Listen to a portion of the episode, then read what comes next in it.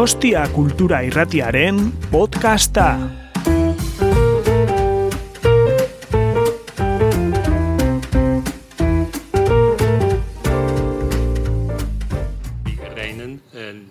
Soy de los Países Bajos y voy a hablar, como sabéis, de Herman Melville y Moby Dick. Se me ha preguntado que explique un poco de dónde viene mi interés en ese, en ese libro y ese autor y hay varias razones. Por un lado, había leído eh, ya mm, después de tener un poco más de tiempo jubilándome de mi actividad de asesor, redactor de textos y antes periodista, había leído ya una gran novela decimonónica en mi propio idioma, eh, Eline Vier, en irlandés. Había leído en alemán eh, un, uh, de Thomas Mann, de Budemrocks. Eh, luego había leído en español eh, Fortunata y Jacinta, de Benito Pérez Galdós y quedaba mi cuarto idioma el inglés. Entonces estaba pensando a qué me voy a dedicar. Y entonces vi hace algo más de un año en, en Madrid, vi una obra de teatro, yo vivo en Madrid desde hace mucho tiempo, eh, de teatro de objetos de un amigo mío, Sergio, y él basaba esta obra de 50 minutos de teatro en textos cogidos literalmente de la obra de Moby Dick y entonces interpreta sube un poco a lo que él le había gustado de, de la obra. ¿no? Y a mí me gustó mucho eso y digo, bueno, ya está, va a ser Moby Dick.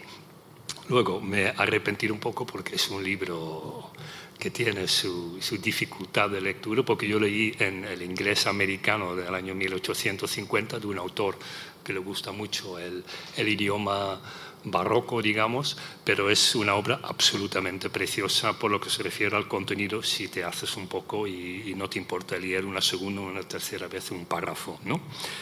Y entonces, después de haber leído ese libro, como yo he estudiado políticas, me gusta mucho la historia también, eh, estoy muy interesado cada vez más en la psicología humana, en el funcionamiento de la mente humana.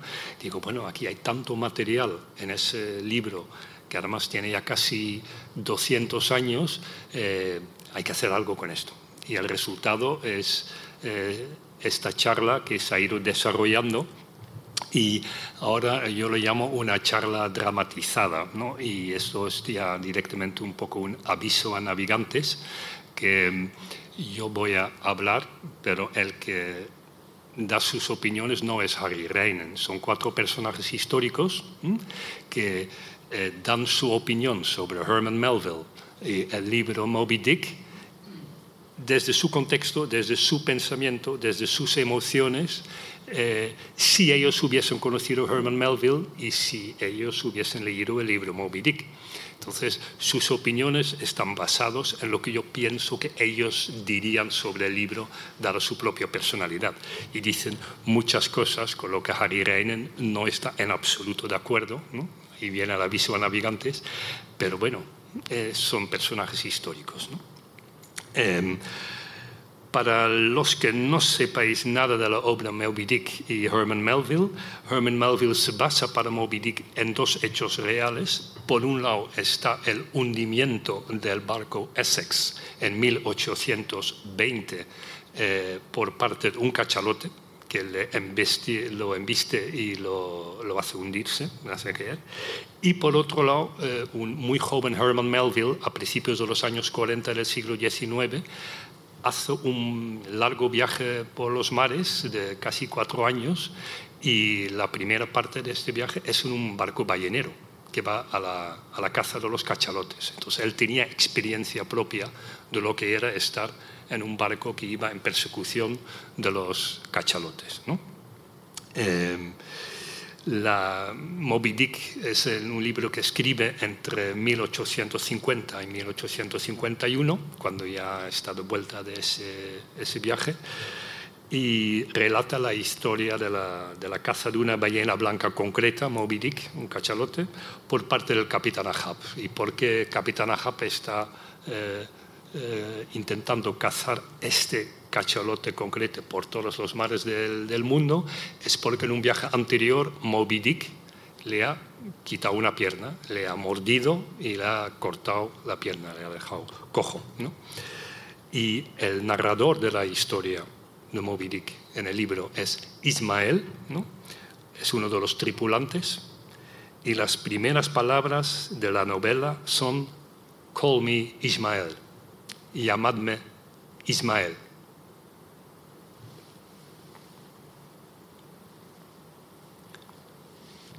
Llamadme Herman Melville.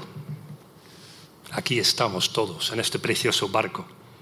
Os doy las gracias por darme la oportunidad de hablaros a vosotros, el resto de la tripulación, marineros de los cinco continentes, sobre mis experiencias en este bayonero. Ya os habéis dado cuenta de que me gusta mucho hablar, pero como es la primera vez y soy muy joven, todavía lo tengo apuntado lo que os voy a decir. Llevamos casi dos años en alta mar. ¿Os acordáis, no? Salimos el 3 de enero de 1841 del puerto de New Bedford, Massachusetts, la capital mundial de la caza de ballenas. Dicen que tardaremos un año, incluso dos años más, antes de volver a ese querido puerto. Vosotros, sobre todo tú, Pierre, mm, y tú, Clarence, mm, ya tenéis más experiencia pero para mí es el primer viaje en un ballenero. Solo tenía 21 años cuando zarpamos. Para un novato como yo, el viaje es impresionante. Cruzamos el Océano Atlántico, el Índico, el Pacífico, rondamos el Cabo de Horno, el Cabo de Buena Esperanza y siempre a la caza de los cachalotes. Vaya bestias maravillosas, 30 metros de largo y de esos 30 metros, 10 metros son cabeza. Y quien dice cabeza del cachalote, dice frente y mandíbula, y poca cosa más. Esa mandíbula tremenda, con enormes dientes afilados para cazar en las profundidades de los, océanos a su presa preferida, el gran pulpo. El cachalote es que es un milagro marítimo el emperador de los océanos. Durante el día siempre tenemos a hombres en lo más alto del mastil para ver si avistan el chorro de espuma del cachalote. Hombres con experiencia. Ellos saben diferenciar muy bien entre el chorro del cachalote y lo de los demás cetáceos. Tú, Wolfgang, por ejemplo, tú. Tú tienes la vista estupenda, ¿verdad? Eres un campeón. ¿Y cómo encontramos a los cachalotes en la inmensidad de los océanos? Después de tantos años de la caza de ballenas, ya conocemos muy bien las rutas migratorias y las zonas donde se quedan mucho tiempo para alimentarse estos sultanes del mar.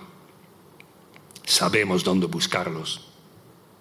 Y cuando uno de los vigilantes desde lo alto vislumbra la espuma de un grupo de cachalotes, gritará, There she blows. Ahí sopla. Y empezará el espectáculo. Bajamos tres botes, seis o siete tripulantes en cada uno de ellos, incluyendo a un oficial y un arponero. Y con esos botes, remando como locos, nos aproximamos a una de esas bestias, lo más cerca que podemos. Y el arponero arroja su arma a ese leviatán. El arpón no le matará, pero hay una cuerda de hasta 250 metros atada al arpón por un extremo y al bote por el otro. Así que cuando el animal intente escapar y el arpón esté bien anclado en su cuerpo, tirará del bote hasta que se canse. Una vez fatigada la bestia, nos acercamos más y el oficial la matará dándole estocadas tantas veces como sea necesario, con su larga lanza, afilada como el cuchillo más cortante. Y una vez que el chorro de la espuma de la ballena se tiña del rojo de su sangre, sabemos que la suerte está echada. El cachalote se está muriendo. Eso si todo va bien la caza del cachalote es peligrosísima.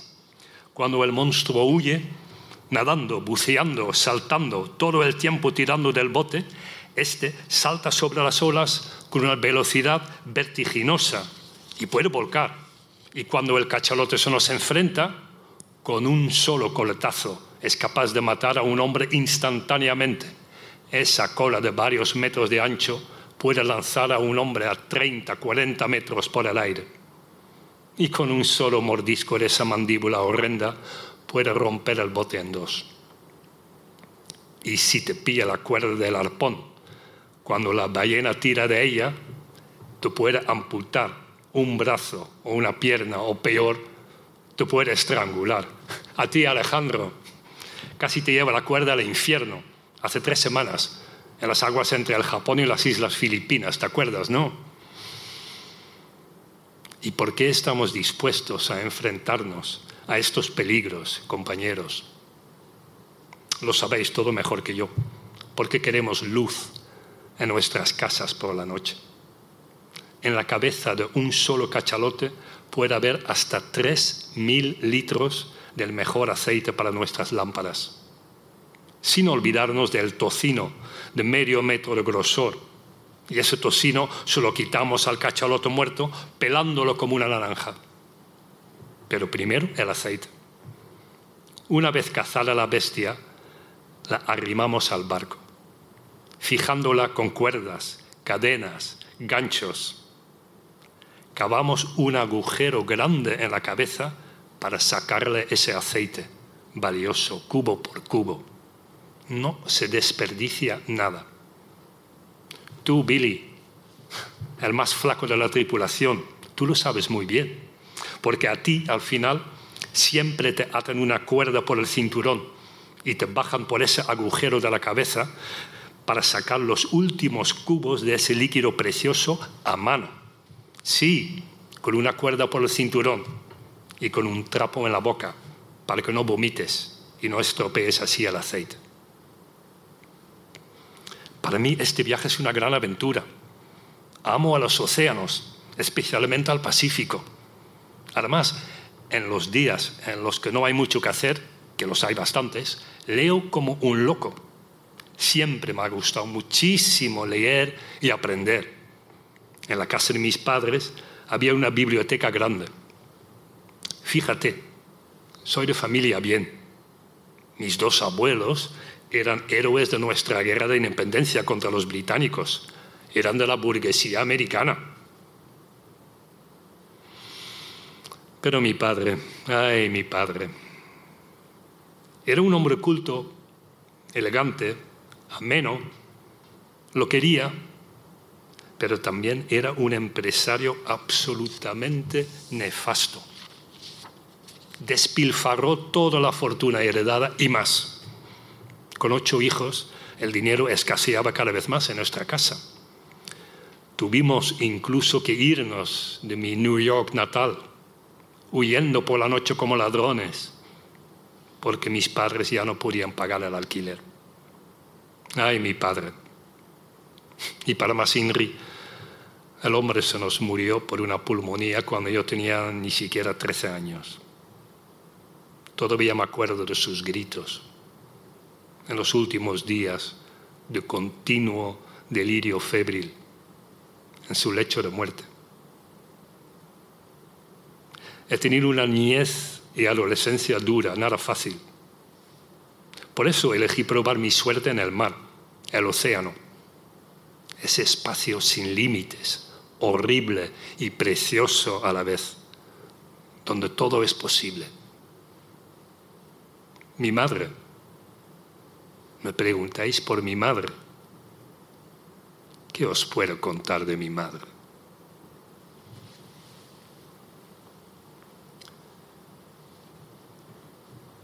Llamadme Maria Melville Gansevoort. Soy la madre de Herman. Herman no ha sido mi hijo preferido. Teníamos una relación a veces difícil cuando era joven ahora en el año del Señor de 1871, en esta reunión de nuestra congregación, lo puedo confesar.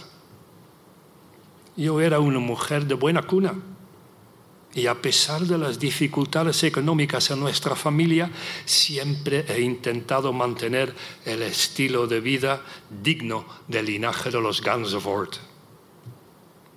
Herman parecía no apreciar ese esfuerzo, no buscó un empleo prestigioso como su hermano mayor, que se convirtió en un abogado y un orador de renombre antes de morir demasiado joven en 1846. En lugar de eso, Hermann se empeñó en ser escritor. Hermann era difícil, también en el tema de la fe, nuestra fe cristiana. Ya sabéis, yo soy de una familia de origen irlandés, como tú, Betsy, y a mis 80 años sigo creyendo firmemente en el calvinismo de la Iglesia reformada neerlandesa. Fiel a mis creencias, siempre les he dado una educación justa, pero firme a mis hijos. Pero Herman era un chico complicado. No conseguí enderezarle. Por ejemplo, en ese libro suyo sobre la caza de ballenas, Moby Dick, habla muy mal de nuestra iglesia cristiana. A los cuáqueros, a los presbiterianos, a todos los cristianos les reprocha su avidez, su tacañería, su violencia contra hombres y animales. Les acusa de hipocresía. Casi profesa más simpatía para las religiones primitivas de las tribus en las islas del Pacífico que para la verdadera iglesia protestante. Mira lo que dice. Y el cielo tenga misericordia de todos nosotros, tanto presbiterianos como paganos, pues todos, de un modo u otro, estamos tocados de la cabeza y necesitamos un buen arreglo. Pero ¿cómo se atreve? Eso es casi una blasfemia, como las que suele pronunciar ese hijo ateo tuyo, Jane. Para Hermann la religión es algo intuitivo, abstracto. Eso sí, muy presente en su mente. Ahí sí que se muestra un buen hijo de su madre. El libro ese de Moby Dick está llenísimo de referencias a Dios, lo divino, el infierno, lo diabólico, el cielo. Y es más, no se ha podido liberar del todo de la sólida educación calvinista que yo le he dado. Moby Dick está lleno de referencias al Antiguo Testamento también, a profetas y profecías, a augurios y presentimientos. Y uno de los temas centrales del libro es ese dilema tan calvinista. ¿Hay libre voluntad humana o todo está predestinado? Fíjate que al final del libro, el primer oficial a bordo, Starbuck, le implora al capitán Ahab que dé la vuelta. Le suplica que no siga la pelea con Moby Dick. Le grita que todavía está a tiempo para recapacitar. En ese fragmento, claro, Starbuck representa la libre voluntad. Pero Ahab le responde, Ahab es para siempre Ahab. Todo esto está decretado de modo inmutable lo ensayamos tú y yo un billón de años antes de que se meciera el océano. Loco, soy el lugarteniente del destino. Actúo acatando órdenes. Procura tú, subordinado, obedecer las mías. Ay, ese maldito libro. Maldito no solo por el contenido anticristiano impertinente, también porque Moby Dick tuvo muy poco éxito. Tú, George, tú sabes lo que significa cuando un libro tuyo no tiene éxito, has vivido la experiencia muchas veces, así que puedes entender los efectos que ese fracaso de ventas tuvo sobre mi hijo. Le hundió en una profunda depresión y eso afectó a su vida familiar. Lo sé muy bien, porque después de que Hermann se casara, en 1847, yo, su madre, viví muchos años con la familia. Y yo estaba ahí cuando el mayor de sus cuatro hijos, Markham, se mató de un tiro en casa a los 18 años. Al final, Herman tuvo que aceptar que no podía vivir de la pluma. Sus libros tenían cada vez menos éxito. En diciembre de 1866, tiró la toalla y aceptó un empleo. Ya no podía mantener a mujer e hijos con lo que le donaban nuestros parientes y los de su mujer. Y eso que Herman había tenido cierto éxito con novelas que había escrito anteriormente a Moby Dick, más breves. Ahí también ya describía sus aventuras en las islas del Pacífico, durante ese viaje largo de cuatro años que hizo de joven. Y en esas sus primeras obras ya se metió con los misioneros católicos e incluso con los nuestros, los protestantes, que intentan llevar la palabra de Dios a los paganos salvajes. Libros pecaminosos, esas primeras novelas. También hablaban de aventuras eróticas. Mi hijo. Claro que los creyentes se enfadaron con él y no se metió solamente con la religión, con la iglesia.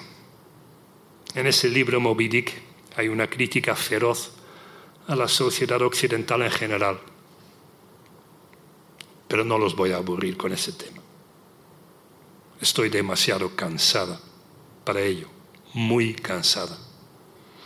Yo a mis 80 años creo que ya he cumplido con mis deberes terrenales, como algunos de vosotros. Sé que el final está cerca. Estoy simplemente esperando hasta que me llame mi Señor Todopoderoso y me lleve con Él.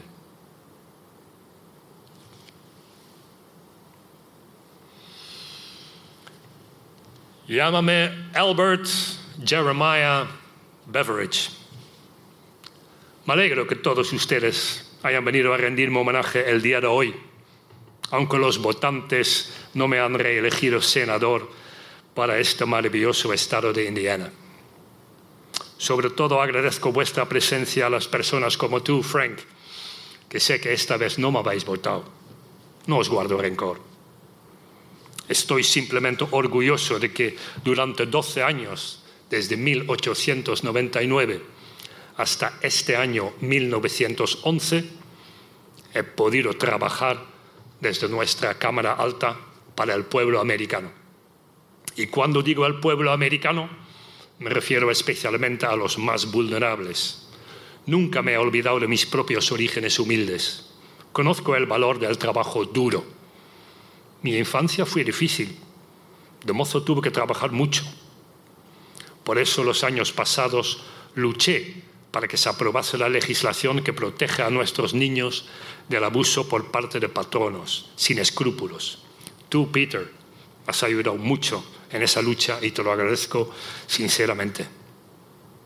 Sí, respeto mucho a la clase trabajadora, espina dorsal de nuestra nación. Eso es lo que me gusta en ese libro, Moby Dick, del autor Henry, eh, perdona, Herman Melville.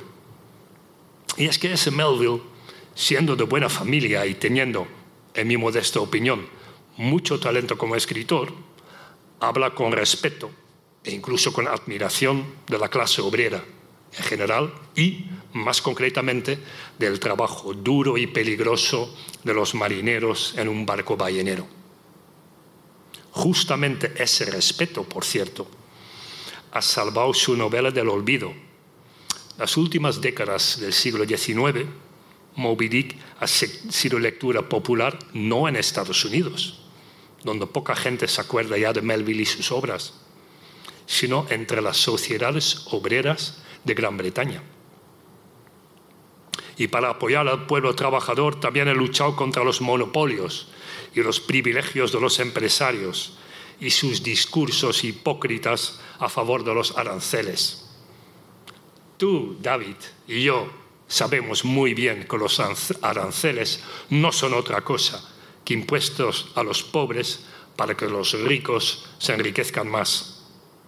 Así que sí, soy un hombre del pueblo, pero entiéndanme bien, cuando digo pueblo, digo el pueblo blanco, cristiano, trabajador, estadounidense.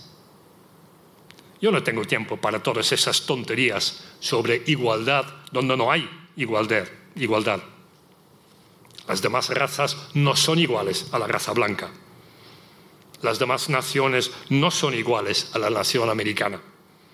En eso estoy en total desacuerdo con Herman Melville. Detesto la glorificación de las razas primitivas que hace en Moby Dick y en sus libros anteriores.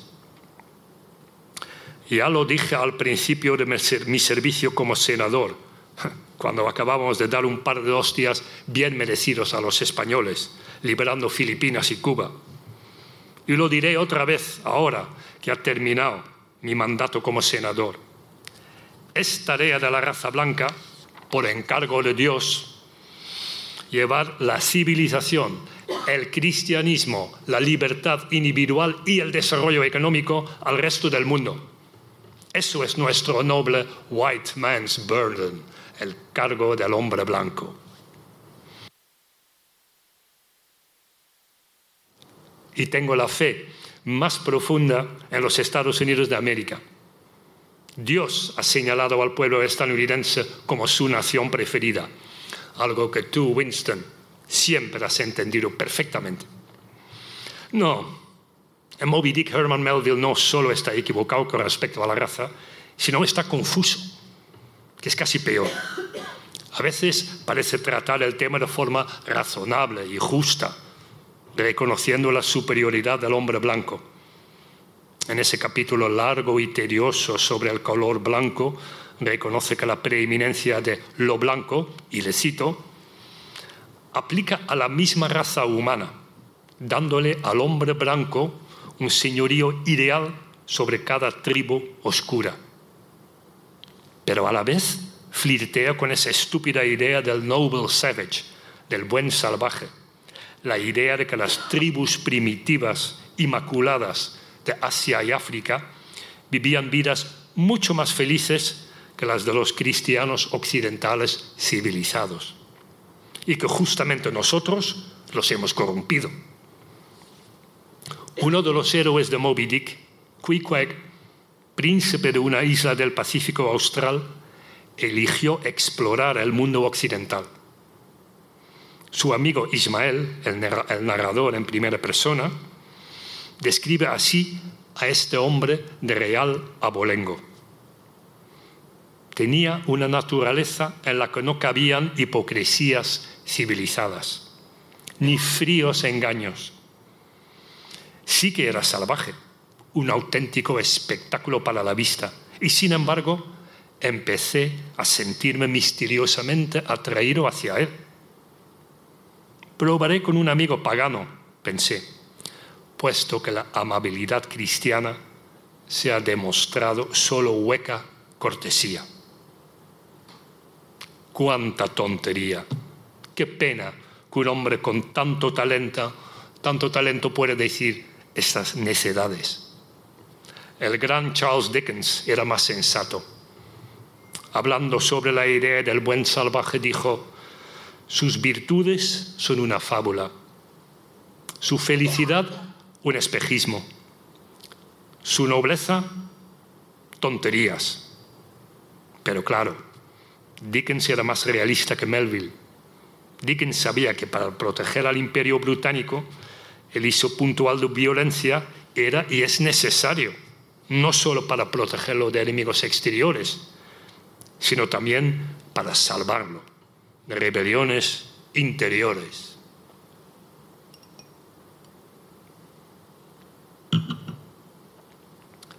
Melville era un blando dubitativo.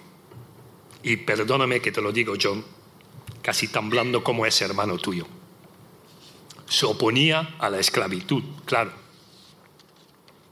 Pero la gente sensata entiende que una cosa es defender la abolición de la esclavitud, bien, y otra muy distinta es pensar que todas las razas son iguales. Dicho eso, lo que sí aprecio es la forma en la que Melville habla de política. Es un defensor de la democracia y de la igualdad se mofa de los británicos con sus aristócratas, su monarquía y su sociedad de clases. Y Melville también describe muy bien los mecanismos de control que utilizan los dictadores para gobernar y consolidar su poder. Pero que otro hable de ese tema. Yo tengo cosas más importantes que hacer ahora. Tengo que ayudar a Teddy Roosevelt a regenerar nuestro querido Partido Republicano para que sea de nuevo un lugar para todos los americanos. Y si fracasamos en ese esfuerzo, quizás tengamos que fundar un nuevo partido. Y espero que en esa empresa todos nos sigáis, si llega la hora.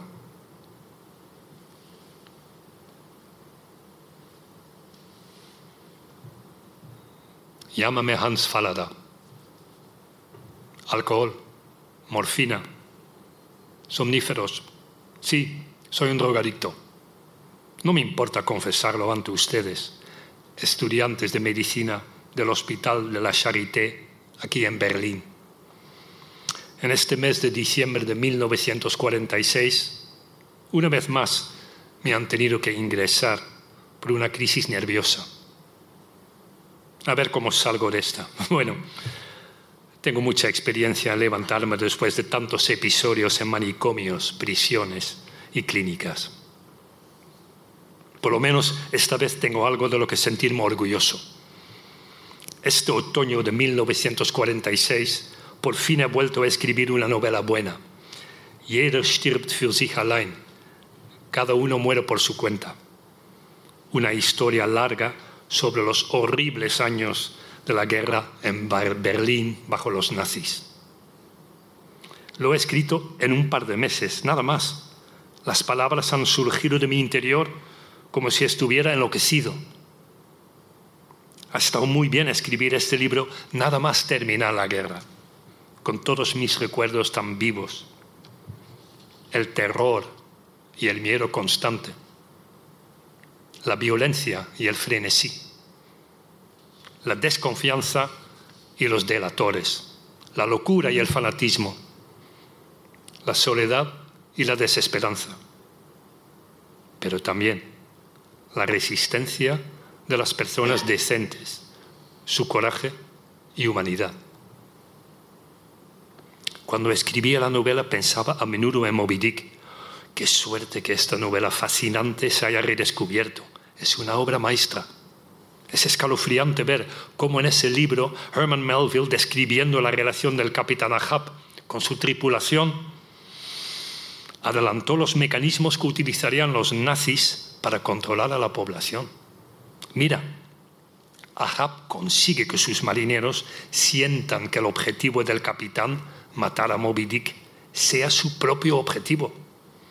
Aviva su pasión, les incita a seguirlo hasta las últimas consecuencias. Hace que los marineros se crean miembros de un grupo sólido, que sientan una solidaridad que supera con creces cualquier duda que puedan tener. Ahab obliga a sus hombres a través de un juramento de lealtad y les hace creer en un enemigo común deshumanizado.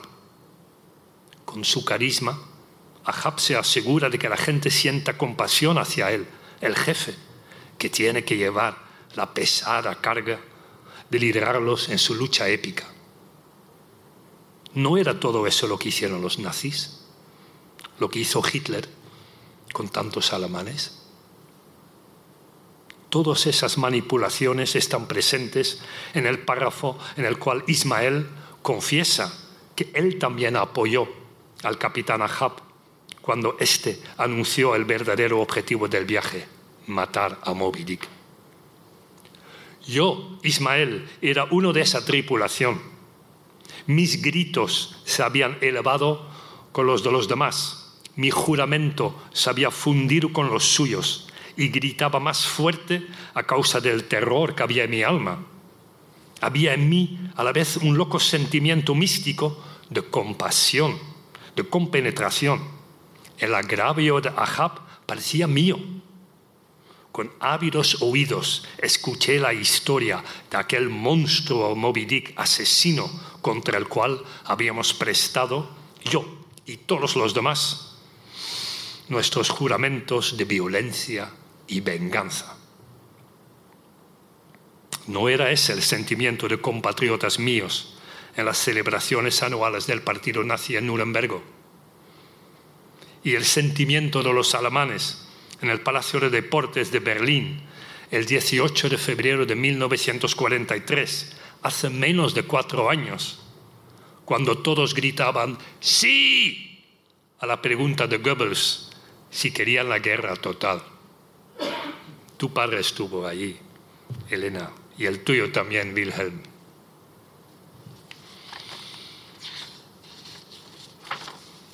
Yo he sido cobarde durante el nazismo, tan cobarde como el primer oficial Starbuck frente a su capitán Ahab. A lo mejor me he adaptado al nazismo más de lo que era estrictamente necesario para sobrevivir. Pero puedo decir con la decencia y la dignidad que me quedan que nunca he sido un nazi, que siempre los he aborrecido. Hay más lecciones para dictadores en Moby Dick. Obliga a tus hombres a una lealtad total y ciega.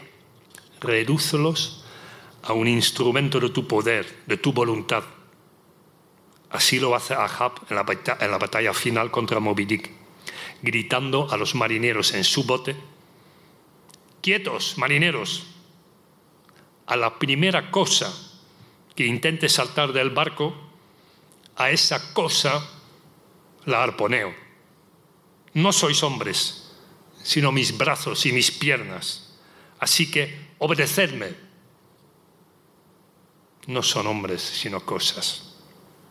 En los últimos meses de la guerra, a estas cosas que querían saltar del barco, las mataban los SS, fieles herederos de este Ahab enfurecido, poseído, enajenado. Y puedo seguir con la lista. Asegúrate de que la gente no piense por su cuenta, sino que se limiten a seguir sus emociones, como dice Ahab, hablando de sí mismo en tercera persona, Ahab no piensa nunca, solo siente, siente, siente. Pensar es audacia. Solo Dios tiene ese derecho y privilegio. ¿Quién no reconoce el desprecio nazi de lo intelectual en estas palabras? Y para evitar cualquier forma de resistencia, dale dales la idea a tus súbditos de que lo controlas todo, vigilando cada paso que dan. Así es como describe Melville a la tripulación justo antes de la batalla final contra Moby Dick. Como máquinas, los marineros se movían mudos por la cubierta, siempre conscientes de que los despóticos ojos del viejo estaban sobre ellos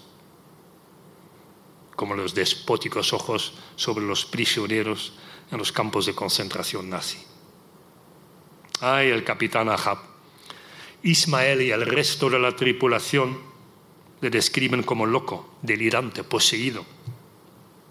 Incluso el propio Ahab se describe así. Él sabe que ha pasado un límite. Implícitamente, Melville nos propone una definición muy moderna de la locura.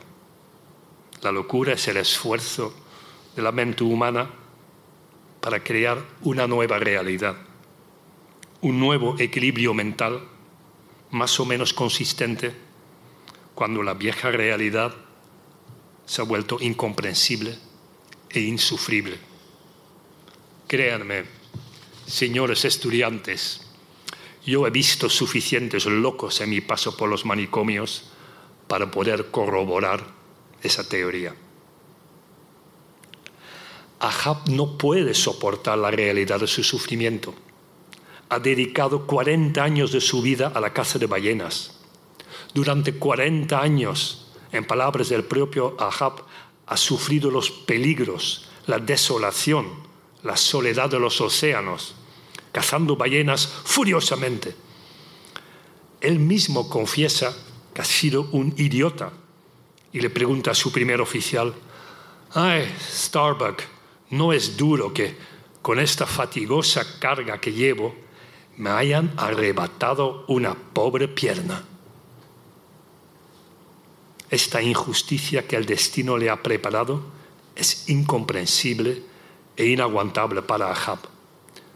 Por eso construye una realidad nueva. Y en esa realidad nueva no perdió su pierna por el azar, por el instinto de un animal, por mala suerte. No, hay un significado en esta pérdida. Perdió su pierna porque Moby encarna todas las desventuras que el propio Ahab ha sufrido durante más de 40 años. Es más, Moby Dick encarna toda la maldad, toda la malevolencia que ha azotado a la raza humana desde Adán y Eva. Por ello, en su nueva realidad, Ahab tiene el derecho, no, no, tiene el sagrado deber de matar a Moby Dick, pase lo que pasa, cueste lo que cueste. Ahab se autotransforma de un ser autónomo en un mero instrumento, un instrumento del destino. Pero Ahab no es el único enajenado en la novela. Pip, uno de los miembros más jóvenes de la tripulación, se vuelve loco cuando le dejan solo, flotando en el Pacífico durante muchas horas después de haber saltado del bote. Horas que Pip ocupa con el terrible pensamiento de que acabará ahogándose. Por pura casualidad, el barco ballenero lo descubre y lo recoge. Físicamente está bien, pero la idea insufrible de una muerte lenta y solitaria le ha roto la mente. Se ha vuelto loco y se ha creado una nueva realidad en la que esa persona ya no es Pip, sino otra persona. Y esta nueva persona, en su nueva realidad, desprecia a Pip, al chaval cobarde que saltó del bote. Y justamente porque la locura termina con el sufrimiento inherente a la vieja realidad, Melville también la presenta como una liberación. Hay un herrero a bordo del barco, un alcohólico como yo. Lo ha perdido todo por el alcoholismo. Casa, mujer, hijas, dignidad. En un punto, Ahab, su capitán, le dice, no tengo paciencia con, con toda la miseria en los otros que no sea locura. Tú deberías volverte loco, herrero. Di, ¿por qué no te vuelves loco? ¿Cómo puedes aguantar sin volverte loco? Tanto te odian todavía los cielos que no te puedes volver loco. Precioso. La locura como liberación que los dioses te pueden negar o regalar. Ay, Herman Melville, tenemos mucho en común. Los dos éramos de buena familia, pero los dos tuvimos una adolescencia muy complicada. Como dice él en su novela Redburn, antes de tiempo, demasiado jóvenes, aprendimos a pensar mucho, demasiado y demasiado amargo. Los dos hemos vivido a borde de la locura y hemos abusado de la paciencia y el amor de nuestras esposas para salvarnos. Y a los dos nos murió un hermano muy querido cuando éramos jóvenes. Claro, hay diferencias también. Melville al final se rinde ante la evidencia. Sus libros se venden cada vez menos y en 1866 acepta un puesto de trabajo de aduanero en el puerto de Nueva York con un salario mísero. En ese puesto languidece hasta su jubilación en 1885 y sigue languideciendo hasta su muerte en 1891. Sigue escribiendo obras, pero ninguno con éxito. Yo por lo menos he seguido siendo escritor hasta hoy y ojalá hasta el final de mis días. Y otra diferencia. A Melville se le suicida un hijo a los 18 años. Yo, a los 18 años, intenté suicidarme, pero solo conseguí matar a un amigo. Herman Melville estuvo poseído de un espíritu, no el Espíritu Santo, más bien un espíritu demoníaco. El espíritu que lo forzó a escribir como diablo, a un ritmo infernal, durante largas etapas de su vida. A mí me pasa igual. Para las dos, escribir significa libertad y esclavitud a la vez.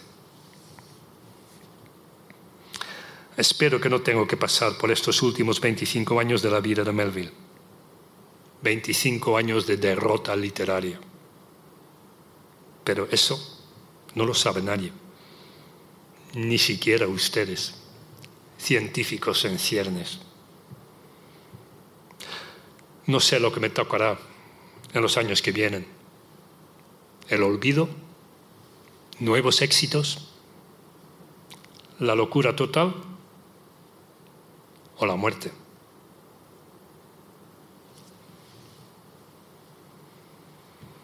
Es que ricasco.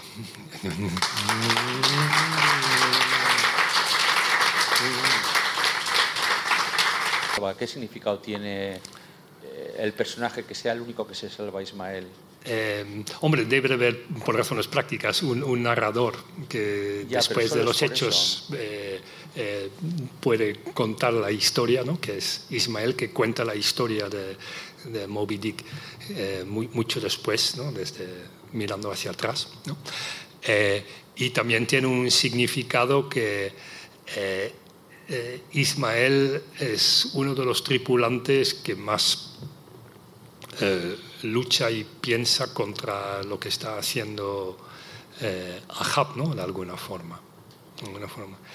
Y eh, el, que se sobrevive a un, en un ataúd puede tener eh, varios significados. Y ahí tengo que decir que la interpretación de Melville y Moby Dick en concreto, la gente se ha matado ¿no? por las interpretaciones que se han hecho de la obra y Melville es el maestro de la ambigüedad ¿no? en lo que, lo que, lo que escribe. ¿no? Pero eh, hay varias referencias también al suicidio en la, en la obra y al principio del todo, en las primeras páginas, eh, Ismael dice que él se, va al mar para no suicidarse o volverse loco. Y dice, mm, porque le entra las sensaciones de querer mm, pegarse un tiro, no dice en esas palabras, pero más o menos es esto, cuando está mirando las, los escaparates de las empresas funerarias, ¿no? Entonces, que están llenos de ataúdes, claro. Y al final es un ataúd que le sirve en, eh, al final de la obra. Eso es el significado del ataúd que estaba hecho por su gran amigo Quiquec, que estaba muy enfermo y que pensaban iba a morirse y ya le iban a tomar medidas a su propia petición, pero al final sobrevive y la ataúd sigue ahí y que es al final el bote salvavidas que puede utilizar Ismael para salvarse de cuando se hunde el barco, cuando Moby Dick mm, hunde el barco, digamos. La obra, ¿qué te iba a decir? La obra eh, eh, eh, profundiza en, en, cada uno de los marineros, o en buena parte de los marineros presentando un, Sí, un prototipo cada uno de ellos. En, lo que yo, por ejemplo, no, en lo que yo, por ejemplo, no me he enfocado es en la relación de Starbuck, que es el primer oficial, que es si hay una si eh, debe haber una sublevación contra el capitán Ahab, tiene que ser Starbuck que lo hace, ¿no? Y ahí también hay muchos, eh, muchos temas interesantes con respecto a nuestra actitud frente a dictaduras, ¿no? Es decir, eh, puedes tú romper la legalidad para mantener la legitimidad, ¿no? Es decir, y esa es una lucha muy bonita en, en Starbucks, ¿no? Y todo, pero también el segundo y el tercer oficial lo describe, sí, describe muchos personajes. Y el, el eh, oriental, bueno, oriental no, el el, ¿cómo se llama? Este, el Polinesio, yo creo que es Polinesio. Sí, sí. ¿Ese también es un personaje que tiene recorrido o, o es puramente anecdótico? Tiene algo de recorrido, pero no tiene la profundidad psicológica que le da a los otros personajes, a Queequeg, a Ismael, a Starbuck, a Stubb y tal, ¿no? Eh, es, pero es un pers- personaje totalmente siniestro, ¿no? Es- pero es simplemente un personaje que se utiliza para los, los augurios también, ¿no? los presentimientos y tal. Es, ¿Pero y le sirve a él para desar- desarrollar el tema del colonial- colonial- colonialismo o algo así? O, no, Eh, no, eso no, lo hace no. sobre todo a través de Queequeg y entre otras cosas, yo, yo lo he dicho varias veces, en la época moderna a Moby Dick cualquier editor le diría, bueno, vamos a dejar la novela, la historia del capitán Ahab y su barco, le vamos a dejar más o menos en el 40% de lo que has escrito, ¿no? y todo lo demás, lo que tú cuentas sobre las ballenas, los barcos de balleneros, sobre tus opiniones sobre el cristianismo, y eh, son uno, dos o tres libros, pero distintos. ¿no? Y entonces, eh, él, hay capítulos enteros que son simplemente mm, eh, descripciones de los diferentes tipos de ballenas que, ha- que hay y eh, él eh, defiende la teoría que la ballena no es un mamífero, es un pez.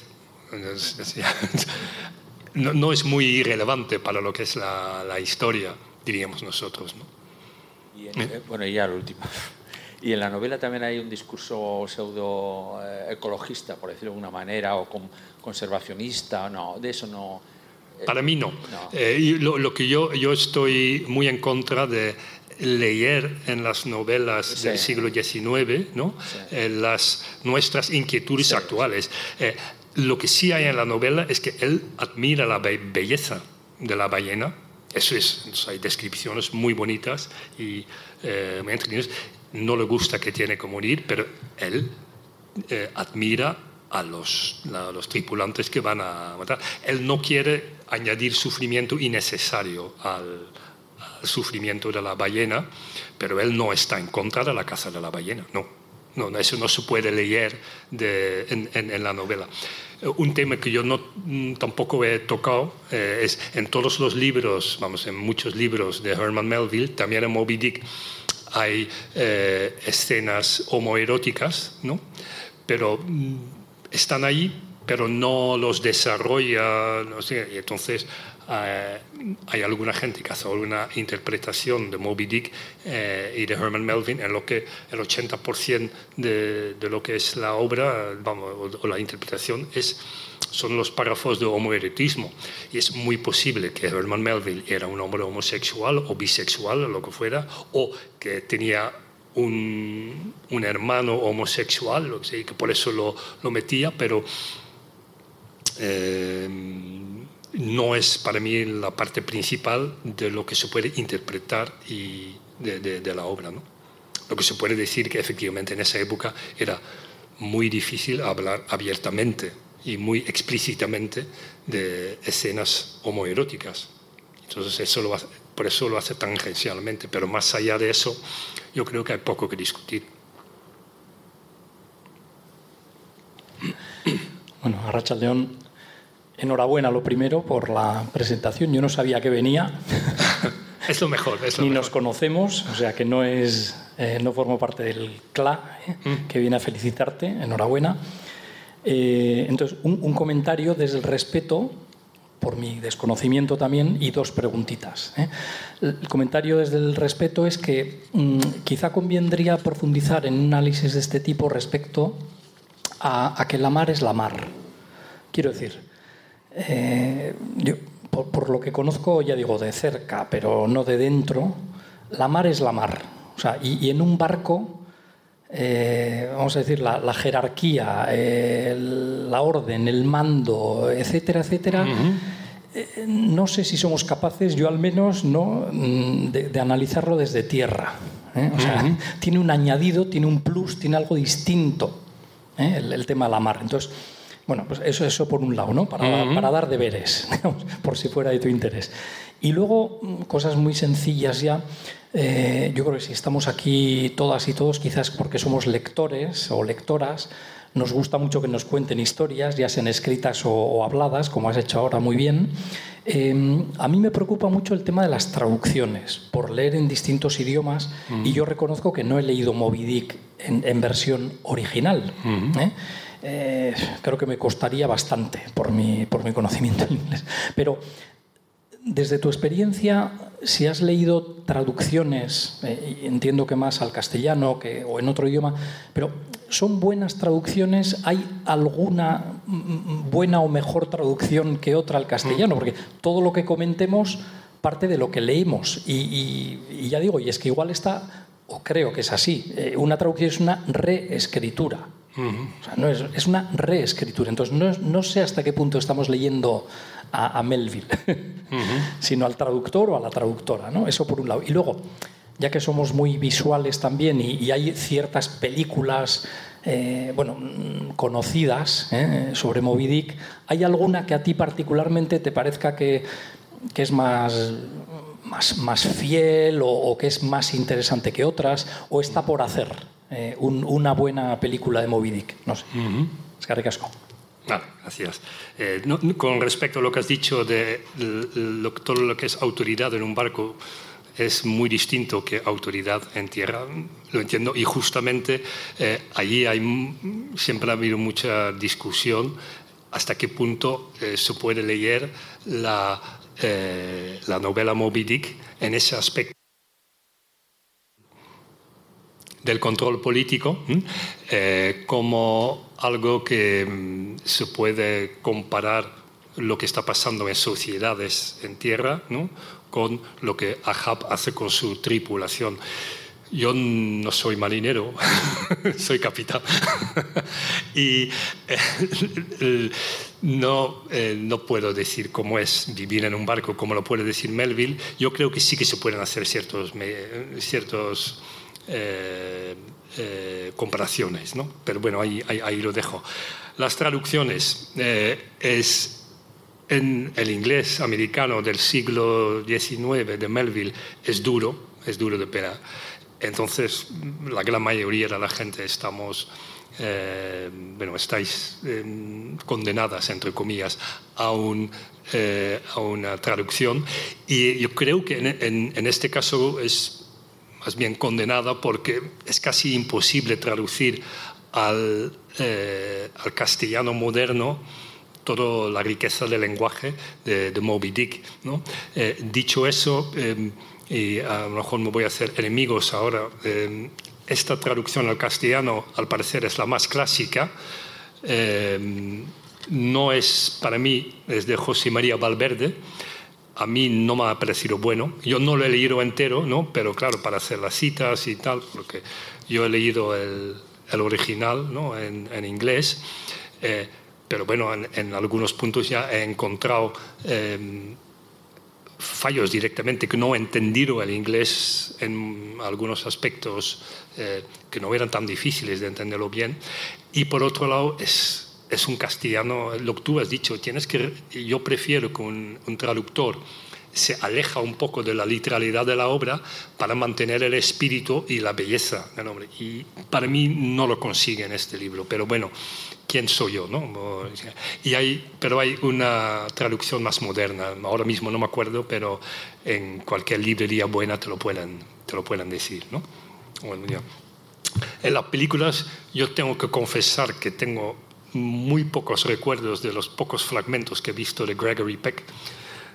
Me acuerdo que hablando de homoerotismo, que es un hombre muy guapo, eh, pero que, las, eh, que una película que me ha gustado mucho es eh, En el corazón del mar, In the Heart of the Sea, es una película de 2015 eh, y no se basa en la novela Moby Dick, pero se basa en los hechos en los que Melville se basa en el hundimiento del Essex por parte de un cachalote.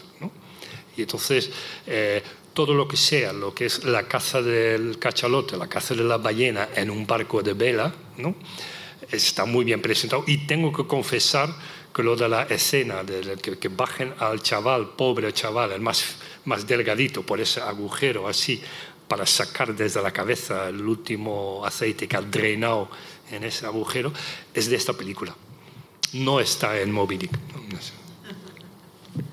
Ah, bueno. Repito, la gente, para esta pregunta, ¿qué representa Moby Dick? ¿Qué representa el Capitán Ahab? ¿Qué representa Ismael? ¿no? ¿Quién es el, más importante en el libro? Es Moby Dick, que solo aparece al final del todo, es el Capitán Ahab, es Ismael, es la tensión entre Ahab y Moby Dick, o es la tensión entre Ahab y Ismael.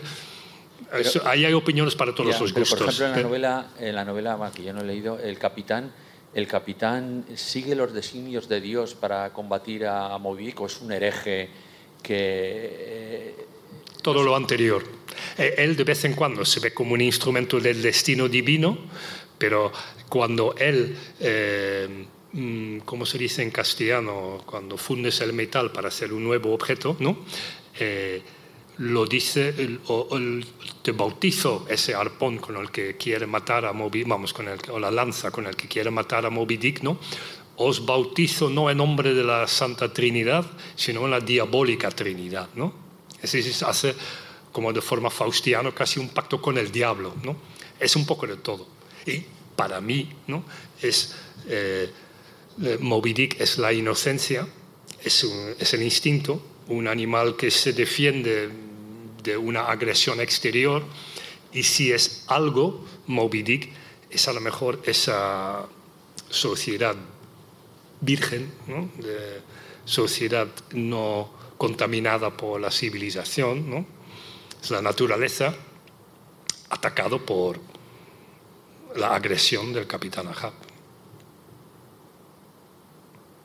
Pero hay hay una historia de Ahab con Moby Dick, pero como he intentado dejar claro, muchísimas subhistorias también. ¿no?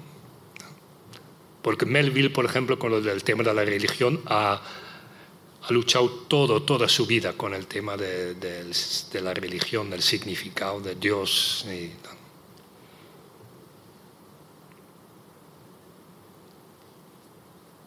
Hola.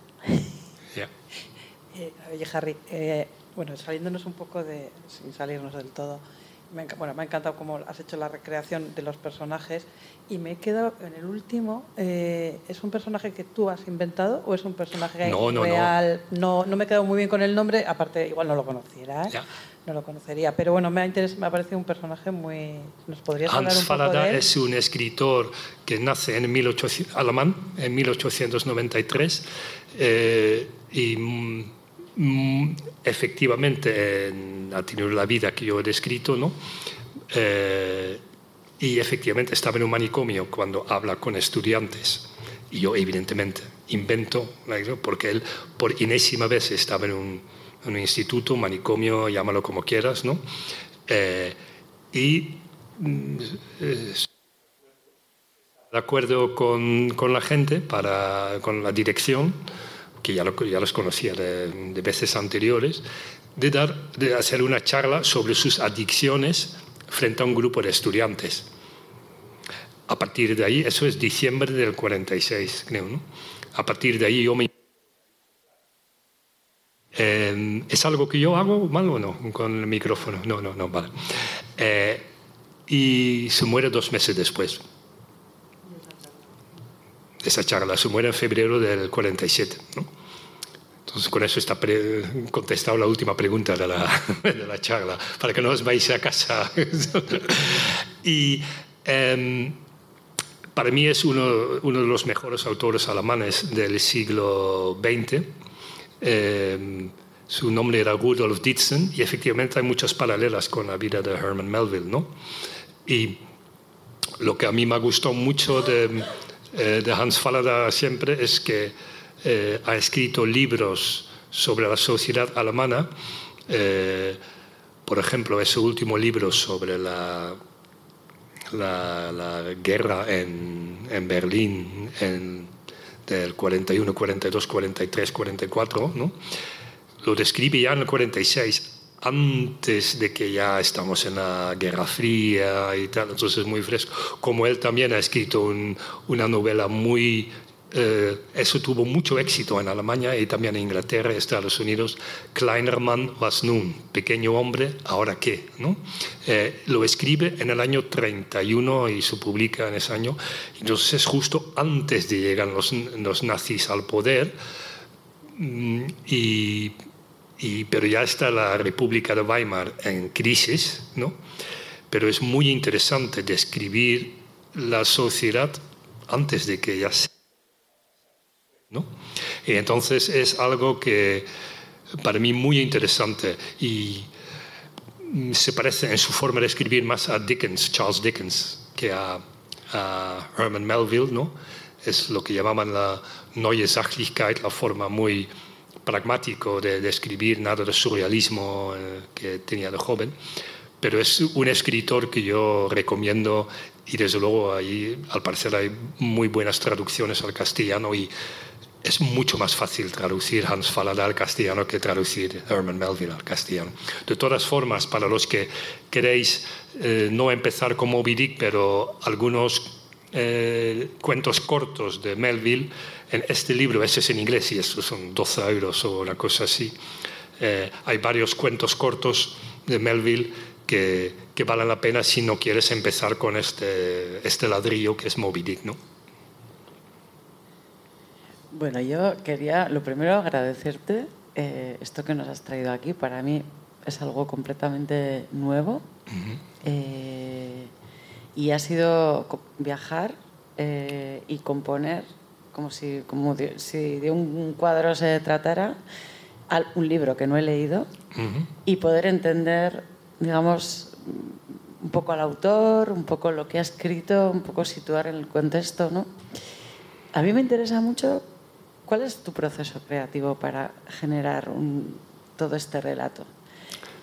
Eh, yo eh, os dije que Sergio había hecho esa obra de teatro sobre Melville y entonces a base de eso yo me intereso por Moby Dick, eh, leo el libro, tengo la idea, se puede hacer algo con esto. He colaborado con Sergio una vez después de una presentación de la obra suya yo hice una charla, ¿no? Eh, y en la hizo unas semanas antes de esa charla en España, ya hizo una prueba en los Países Bajos, mi país natal, no en español evidentemente, sino en neerlandés, y la primera charla en neerlandés era una charla eh, más o menos tradicional y lo único que de dramatización es que yo empecé diciendo a la gente, estamos todos en un barco ahora, ¿no? Desplazados al año 1842, ¿vale? Y varias personas después de la, de la charla me dijeron, joder, esto me ha gustado muchísimo ese principio, eso lo quiero desarrollar, ¿no? Y entonces... Eh, ya poco a poco, entonces en la charla primera, porque había poco tiempo, eh, empecé a hablar como Herman Melville y después como su madre, ¿no? Y, y, después ya como Harry, ¿no? En una charla normal. Pero luego lo desarrollé más y ahora tiene su fórmula definitiva de, de cuatro personajes históricos que, que, interpretan a Herman Melville y al, y, y al libro.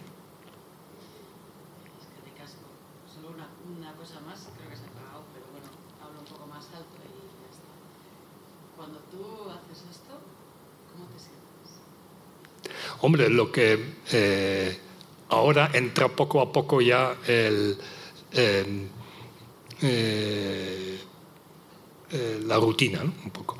Pero lo que em, me siento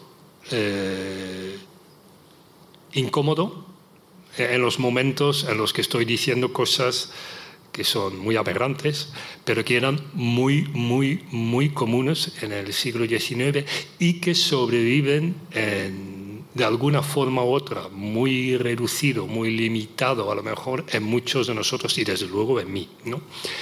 Eh, y yo creo que la, el, no a lo mejor el racismo, porque el racismo es una cosa muy concreta de la edad moderna, ¿no? pero la xenofobia, el pensar en ellos contra nosotros, el, a lo mejor no el odio, pero la desconfianza frente a lo distinto, eso es de todos los tiempos.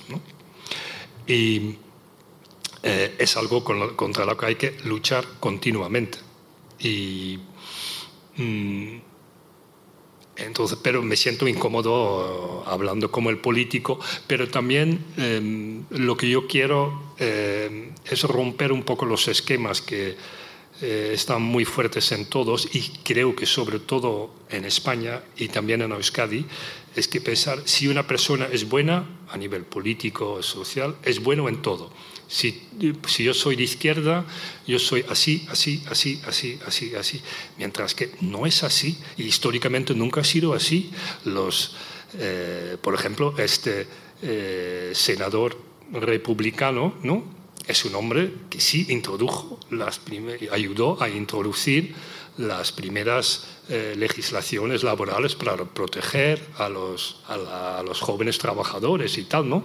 Entonces por eso empiezo con esto, para que todos estamos pensando, ay, será un tío bueno, ¿no? Y luego Zaka es un racista. En el movimiento obrero ha habido muchísimo racismo y antifeminismo hasta hace muy poco y sigue habiéndolo, ¿no? Y tal. Y e, eso me gusta, entre comillas, de, poner a la gente un poco en el pie equivocado, que Ay, va a ser uno de, uno de, los nuestros, no. A lo mejor en unas cosas es de los nuestros, o está de acuerdo conmigo, en otras cosas no estoy de acuerdo en nada. Eso me gusta. Y eh, lo que, como, bueno, yo no soy un actor, pero bueno, cuando estás actuando, ¿no? Eh, te, te lo tienes que creer de verdad tú tienes que creer que, que, esta persona tiene eh, eso. Y eso hay dos, hay dos formas de hacerlo, ¿no? Eh, o bien vas a un sentimiento tuyo que expresa la emoción, que es la misma emoción que puede sentir esa persona en ese momento y tiras de ello, o bien eh, cuando estás hablando de tienes que actuar como un nazi, como un oficial del SS, por ejemplo, piensas en un objeto que para ti más o menos eh, define o ilustra un personaje así y tiras de ello para tener el sentimiento. No, yo mm, hace poco vi una película malísima por lo demás, eh, la típica cosa medieval, el rey, eh, el rey Juan sin tierra, que junto con el sheriff de Nottingham es el malo, malo, malo, malo, y en esta película es malísima, malísima, pero hay una escena en la que el actor, que yo supongo que será una persona decente y normal, ¿no? que hace de, de, Juan sin tierra, tiene que defender ante un noble que se ha sublevado contra él para defender al pueblo y no sé qué, no sé cuánto y tal, y al que luego le va a cortar las manos y le va a cortar los pies, pero primero le explica porque Él es el rey por derecho divino y que quién se cree Él de, de, de, de, sublevarse contra Él, que Dios le ha puesto en ese lugar. Y el tío, vamos, se lo cree, lo ves actuando y está muy bien, porque se vuelve casi histérico, loco y tal.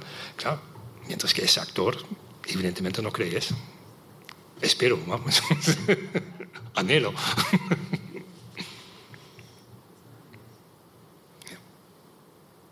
Y evidentemente no puedo despedirme, bueno, podemos seguir, ¿eh? pero evidentemente el País Vasco ha sido uno de los sitios donde la caza de la ballena. Todo empezó también porque mm, se hacía desde tierra.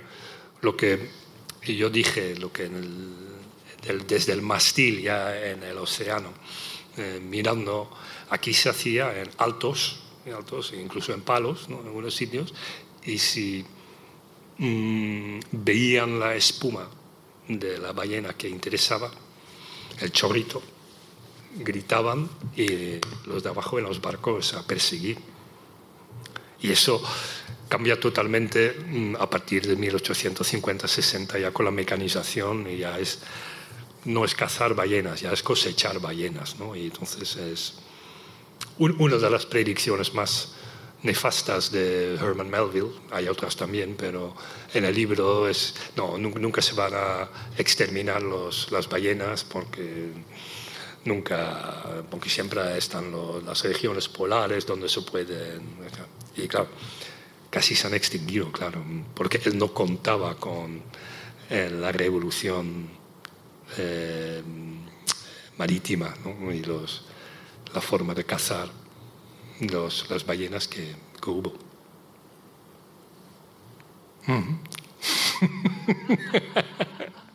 unos apuntes de mi parte. ¿no? Yo, em, eh, Leonard Cohen eh, dice en su canción Democracy in the USA, ¿no? dice de los Estados Unidos, nos ha traído al mundo lo peor y lo mejor. ¿no? Eh, y de alguna forma eso de la sociedad occidental se puede decir también, pero primero decir lo que es la sociedad occidental. ¿no?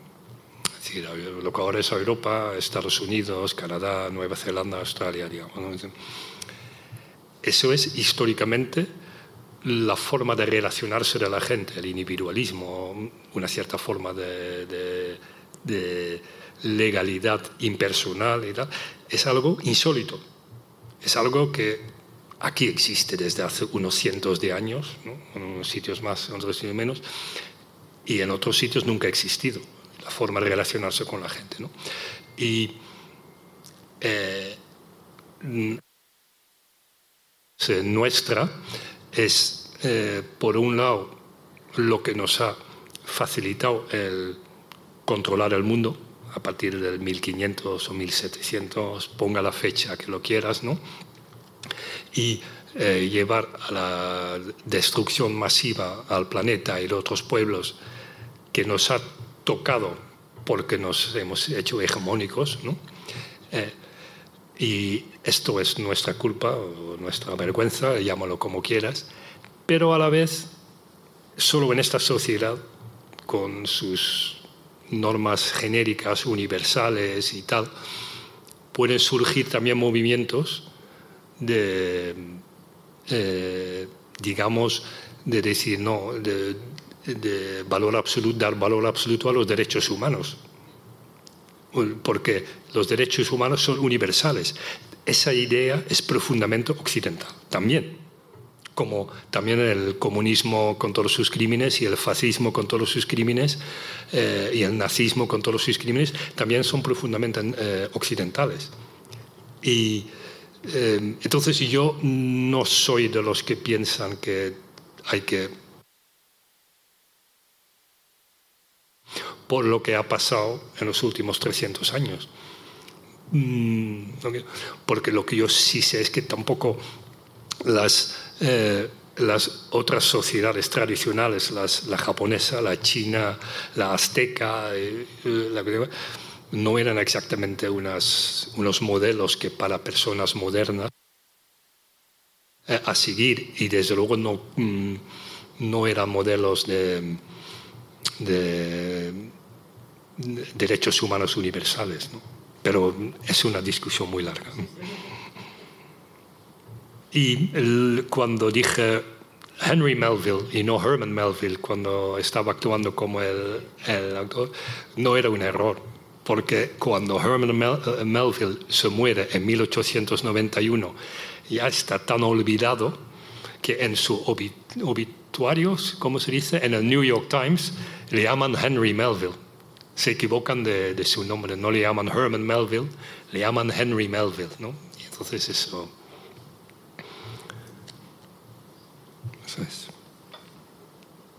Pues muchísimas gracias. Es que con